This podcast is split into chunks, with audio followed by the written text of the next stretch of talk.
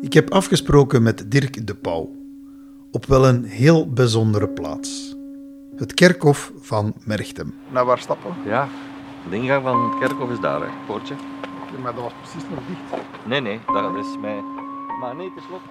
Een gesprek dat start en eindigt op het kerkhof. Een gesprek over ondernemersbloed. Over dromen, denken, durven, doen. Op het kerkhof En de belangrijkste, zei Dirk mij, doorzetten. Leer je alles over het leven. Hè. Je kunt teruggaan naar je roots. Ik vind dat heel belangrijk dat je terug kunt gaan naar je roots. Dat je weet van waar dat je komt, welke familie dat je al gehad hebt, hoe dat die mensen geleefd hebben, waar dat die liggen. Aan graven kun je ook veel zien. Hè.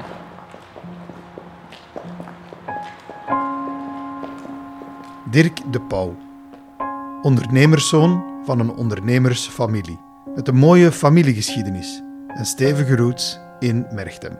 Harde werker, levensgenieter.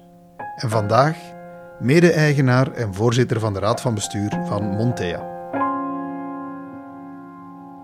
Ik leer hier heel veel op dat kerkhof, kom hier regelmatig. En telkens als ik zo die graven zie van vrienden die al overleden zijn of mijn ouders, ja, je leert veel bij.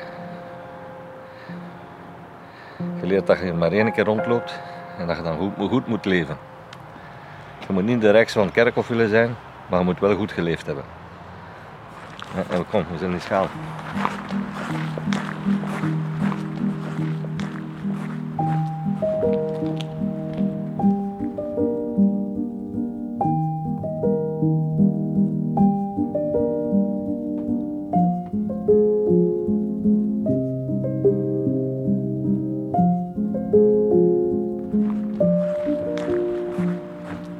Ken Dirk natuurlijk redelijk goed. Hij is voorzitter van de raad van bestuur van Montea. Hij is ook de man die mij nu ongeveer 11 jaar geleden aan het hoofd zette van Montea. Ik ben Jo de Wolf, CEO van Montea, en dit is de podcastreeks voorbij de vergadertafel. Je gaat zo die typische knippende geluidjes hebben hè, van die steentjes. Typisch kerkhofgeluid. Ja.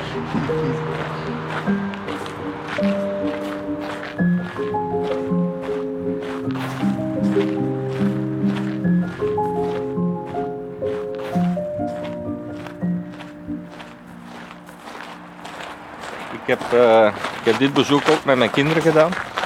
We zijn zowel de kant van mijn vader als de kant van mijn moeder een keer naar de graven gaan kijken. Kijk, hier ligt mijn overgrootvader. Ik heb die mens nooit gekend. Uiteraard niet. Eh, ik weet ook niet wat dat hij in zijn leven heeft uitgespaard om mij een beter leven te geven. Eh, ik hoop dat hij goed geleefd heeft en dat hebben ze wel gedaan.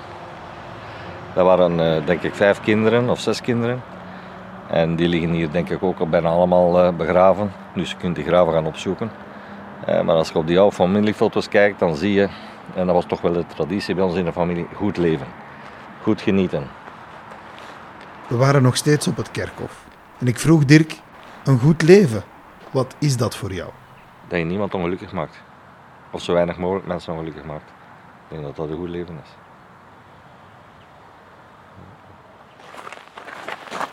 Niet naar rechts gaan. Hey, eigenlijk, ze zeggen altijd, zolang als ze over u praten, zijn ze niet dood. En dat is hier ook het geval. Hè. Mijn overgrootvader, die mens, zou heel content zijn dat er nog een keer iemand aan zijn graf staat. Want de rest zal hij weinig bezoek krijgen. Hier ligt mijn grootvader. En dan... En hier hetzelfde, hè. ik heb die mensen nooit gekend. Ik ben eh, eh, twee jaar nadat hij overleden is, ben ik geboren. Dus ik weet ook niet wat dat die mens voor mij gedaan heeft. Eén ding is zeker, dat was een ondernemer. Mijn overgrootvader was ook een ondernemer. Die hebben gegarandeerd veel gewerkt.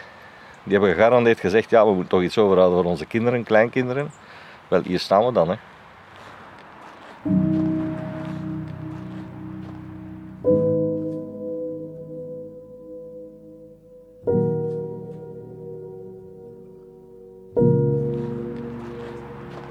Ja, ik, ik word al ouder dan dat hij geworden is. Hè.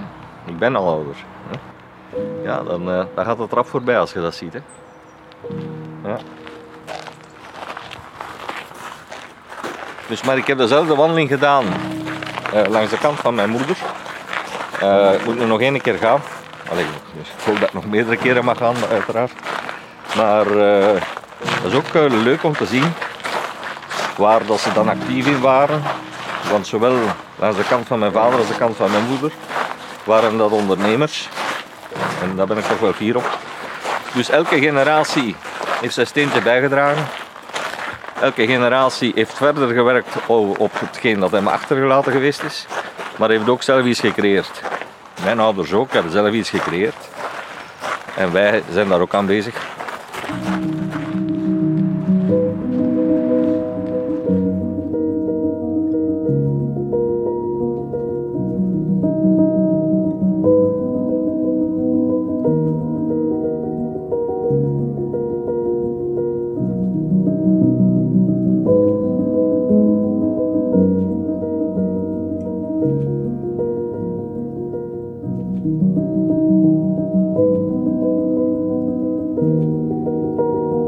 Het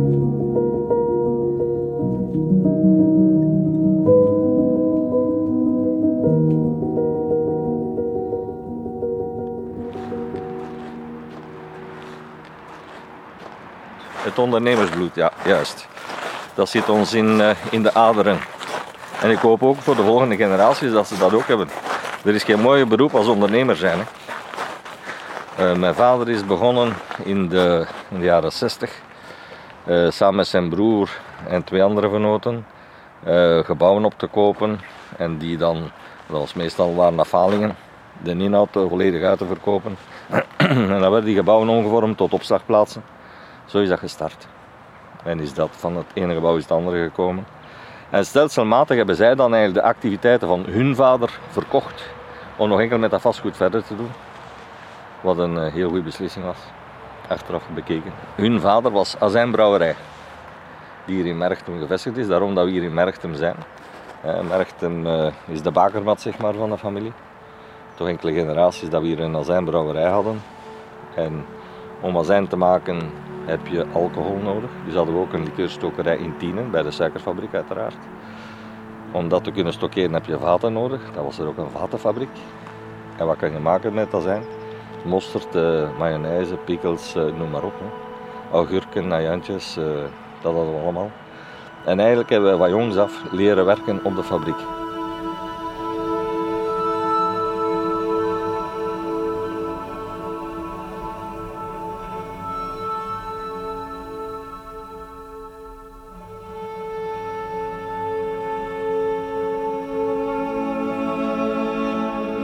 Ik heb voor mezelf altijd voorgenomen, ik doe een investering voor zover mijn levenskwaliteit niet gaat beïnvloeden. Ik moet altijd kunnen verder leven op hetzelfde niveau. Als daar een risico voor is, doe ik het niet.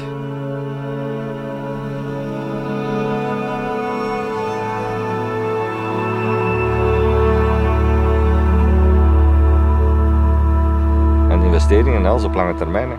Als je ziet nu, zelfs nu op vandaag in de portefeuille van Montea zitten er nog altijd gebouwen op gronden die mijn vader in der tijd heeft aangekocht. Uiteraard zijn gebouwen zijn afgebroken geweest, zijn nieuwe gebouwen opgezet geweest. Er is zelfs een zitten bij wat we al twee keer, nou, wacht zeg ik nu, ja, twee keer hebben afgebroken en heropgebouwd. Dus ja, het gaat vooruit. Hè. Altijd verder bouwen aan de toekomst.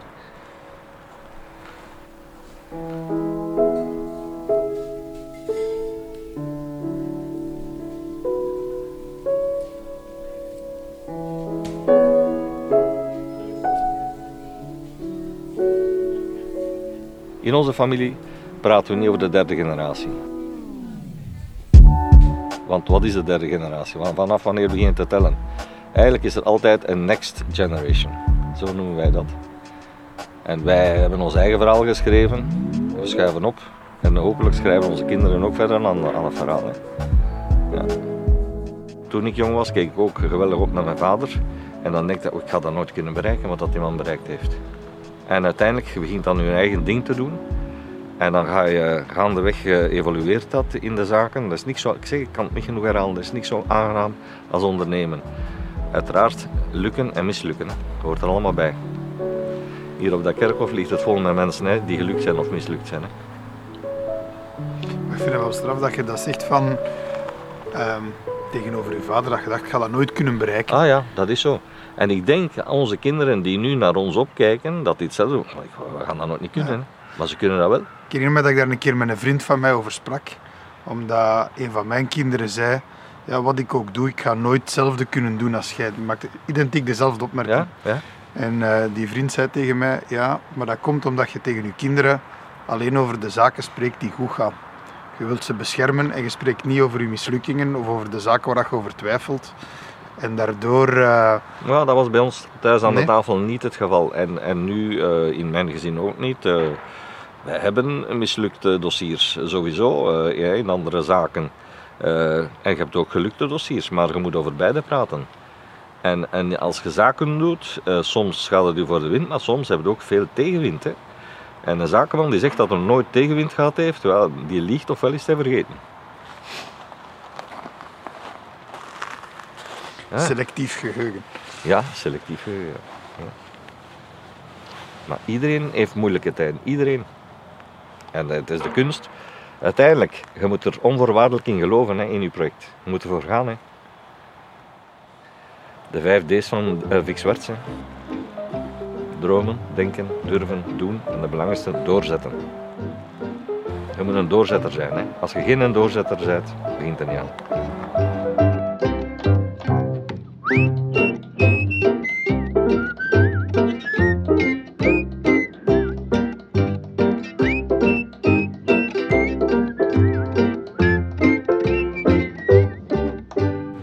Hebben natuurlijk al heel veel eh, uren in, in, in auto's en in treinen doorgebracht Ja, de afgelopen tien jaar. maar we hebben ons nog geen seconde verveeld. Hè. Nee, dat is juist. Er zijn We niet hebben veel altijd... stilgevallen. Nee, nee, nee, nee. We hebben altijd voldoende onderwerpen om aan te snijden.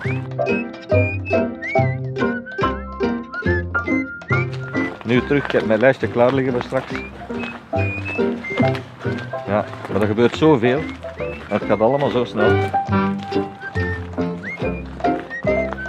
We zijn elkaar zodanig gewoon. Wij hebben zodanig veel eh, dat we elkaar delen. Lief en leed. Hè. Want op den duur krijg je ook die relatie. Ja. We praten niet enkel over zaken. En dat moet, dat moet ook kunnen. Hè. Dat is waar. Nee, absoluut. Ik denk dat we... Het is ook grappig als ik daar nu naar terugkijk. Als ik bij Montea begon, dan waren mijn kinderen vijf en één. Ja, ja, ja, ja. En nu zijn dat kinderen van eh 16 en 12. ja. Een heel andere dynamiek, met allemaal in dat parcours al heel wat uitdagingen geweest. En dat is bijvoorbeeld ook een aspect waar we al heel veel over gesproken hebben. Over, over familie en, en, en, en opvoeden en, en hoe ze bepaalde waarden meegeven. En, en, en dat waren toch gesprekken waar ik in ieder geval eh, heel veel aan, aan gehad heb, omdat ze... Ja, omdat dat uitdagingen zijn waar het op dat moment voor staat. En, en, en dan is het fijn om een klankbord te hebben. Ja. En mensen verwachten dat soms in een professionele relatie. Maken heel, hè, Peter de Munk eh, zegt vaak, mensen die spreken over work-life, dat is eigenlijk jammer, want dat, is- dat zou willen zeggen dat terwijl dat je werkt, dat je niet aan het leven bent. ja. Terwijl dat wij, als wij een gesprek hebben, werk en leven.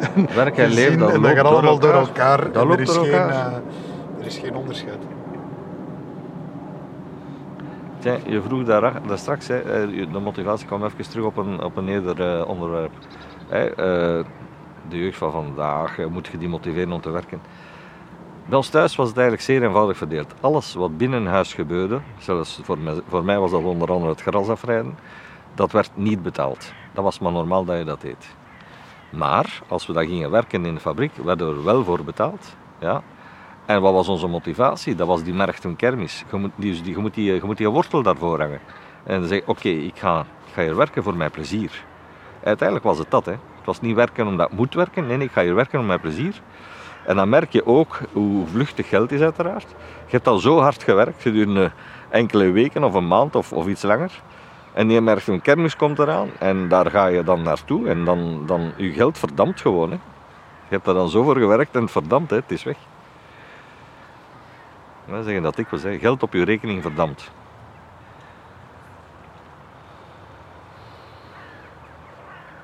Je een mooie som geld, voordat je het weet is het weg. Dus goed investeren, dat het niet kan verdampen.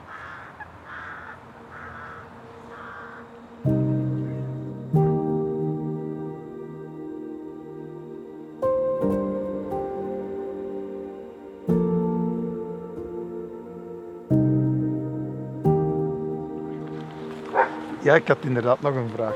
Uh, ik ga ze kort inleiden zelf. Uh,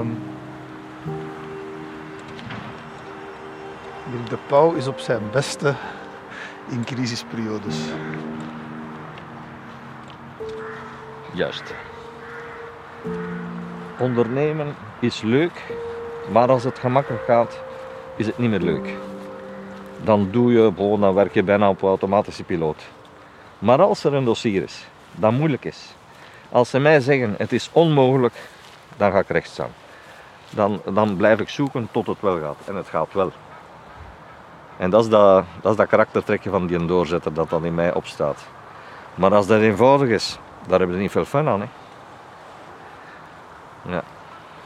Wie, heeft er u, wie zijn de mensen, als jij terugkijkt op wat je gedaan hebt, wie heeft er u geholpen? Wie heeft er... Ik bedoel, ik spreek van crisisperiodes, dat is periodes waarin dat je onderneemt, omdat je allez, op, je, op je scherpste bent. Op wie valt jij terug? Waar kunt jij op rekenen? Uh, ja, voor sommige zaken komen we bij u terecht. Maar uh, we hebben, ik heb een hele goede adviseur. Uh, waar, en iedereen moet zo iemand hebben. Zo'n adviseur waar dat je kan zeggen: Oké, daar kan naartoe gaan, dat blijft onder ons en die gaat mij een goede oplossing geven. Uh, ja, dikwijls gaan we naartoe, naartoe met een mogelijke oplossing. Ik weet één ding: als ik buiten kom, komt een andere oplossing buiten. En die dan veel beter is. Maar het, is, ja, het is vooral geloven in je eigen kunnen en ook je zwakke punten kennen. Hè. En je moet je omgeven door mensen die je zwakke, je blinde vlekken uh, opvullen, hè, opvangen. Hm. Maar je moet verschillende adviseurs hebben. Hè. Maar er zijn enkele mensen zo, maar die kunnen op je één hand tellen. Hè. Zo enkele mensen waar je zegt, oké, ik zit met dat probleem, naar wie ga ik naartoe?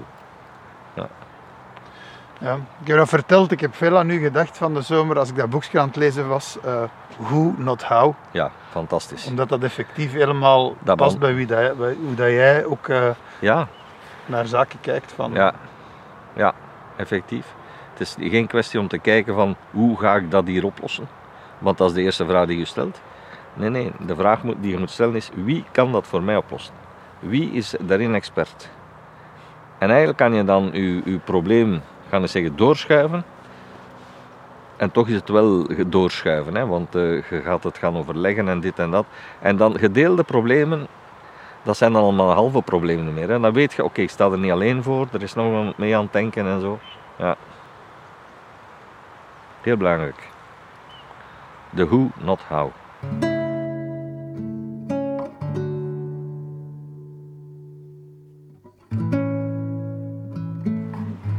Ga blijven ondernemen. Het ondernemen zit mij in het bloed.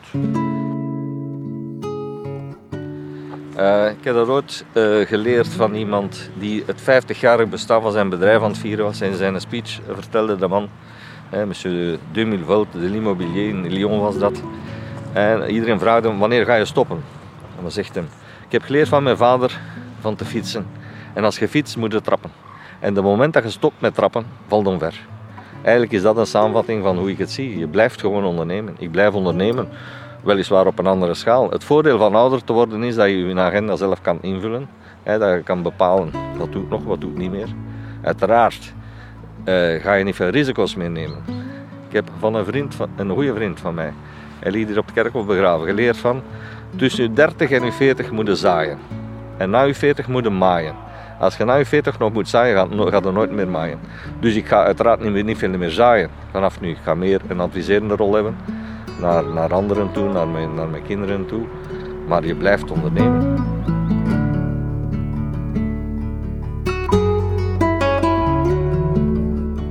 Ik heb geen schrik van de dood. Ik denk, uh, ja, de, het, het komt sowieso een einde aan. En uiteindelijk ik denk, uh, hoe ouder je wordt, hoe bewuster dat je daarmee omgaat, dat dat er wel eens ooit zit aan te komen. In het begin, ja, als je 40 bent, denk je daar niet veel over na. Eens de 60 voorbij begin je toch al eens na te denken. Tja, waar zou ik willen begraven worden? Hoe moet dat gebeuren? Uh, welke risico's gaat nog aangaan? Uh, dus eigenlijk, je bereidt je landing voor. En als ik dan zie op de manier waarop mijn ouders zijn, zijn heen gegaan, was echt mooi. Een afscheid kan ook heel mooi zijn. Hun leven was volbracht. En uiteindelijk gaan we allemaal naar dat moment toe, hè, dat uw leven volbracht is.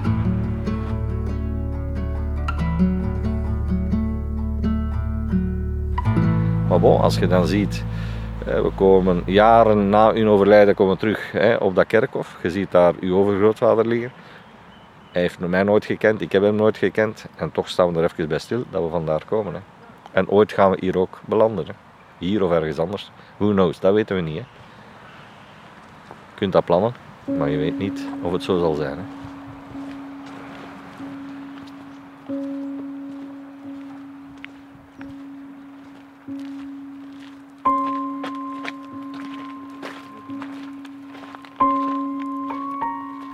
Je luisterde naar Voorbij de Vergadertafel. Een podcast van Montea, waar ik, Jo de Wolf, CEO van Montea, op wandel ga met mensen uit het rijke netwerk van ons bedrijf. Dankjewel Dirk de Pauw, dank voor je mooie verhaal. Ook jullie bedankt voor het luisteren en graag tot een volgende keer.